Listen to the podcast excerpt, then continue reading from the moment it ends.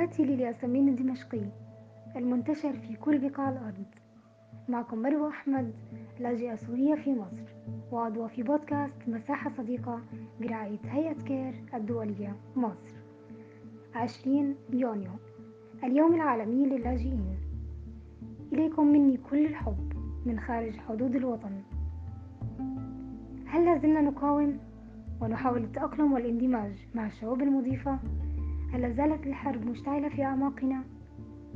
في هذا اليوم نسلط الضوء على قضايا اللاجئين والنازحين لبث روح الطمأنينة والسلام ودفع الألم الذي خلفته الحروب بالتصميم والإنسانية.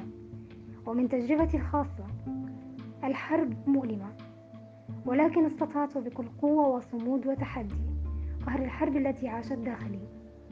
خطوة واحدة غيرت مسار حياتي مساحتي الصديقة. انطلاقة روحي للسلام.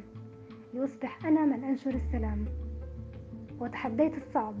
وآمنت أن ليس هناك مستحيل ما دمت صاحب إرادة وحلم رسالتي لكل شخص مستمر بالكفاح.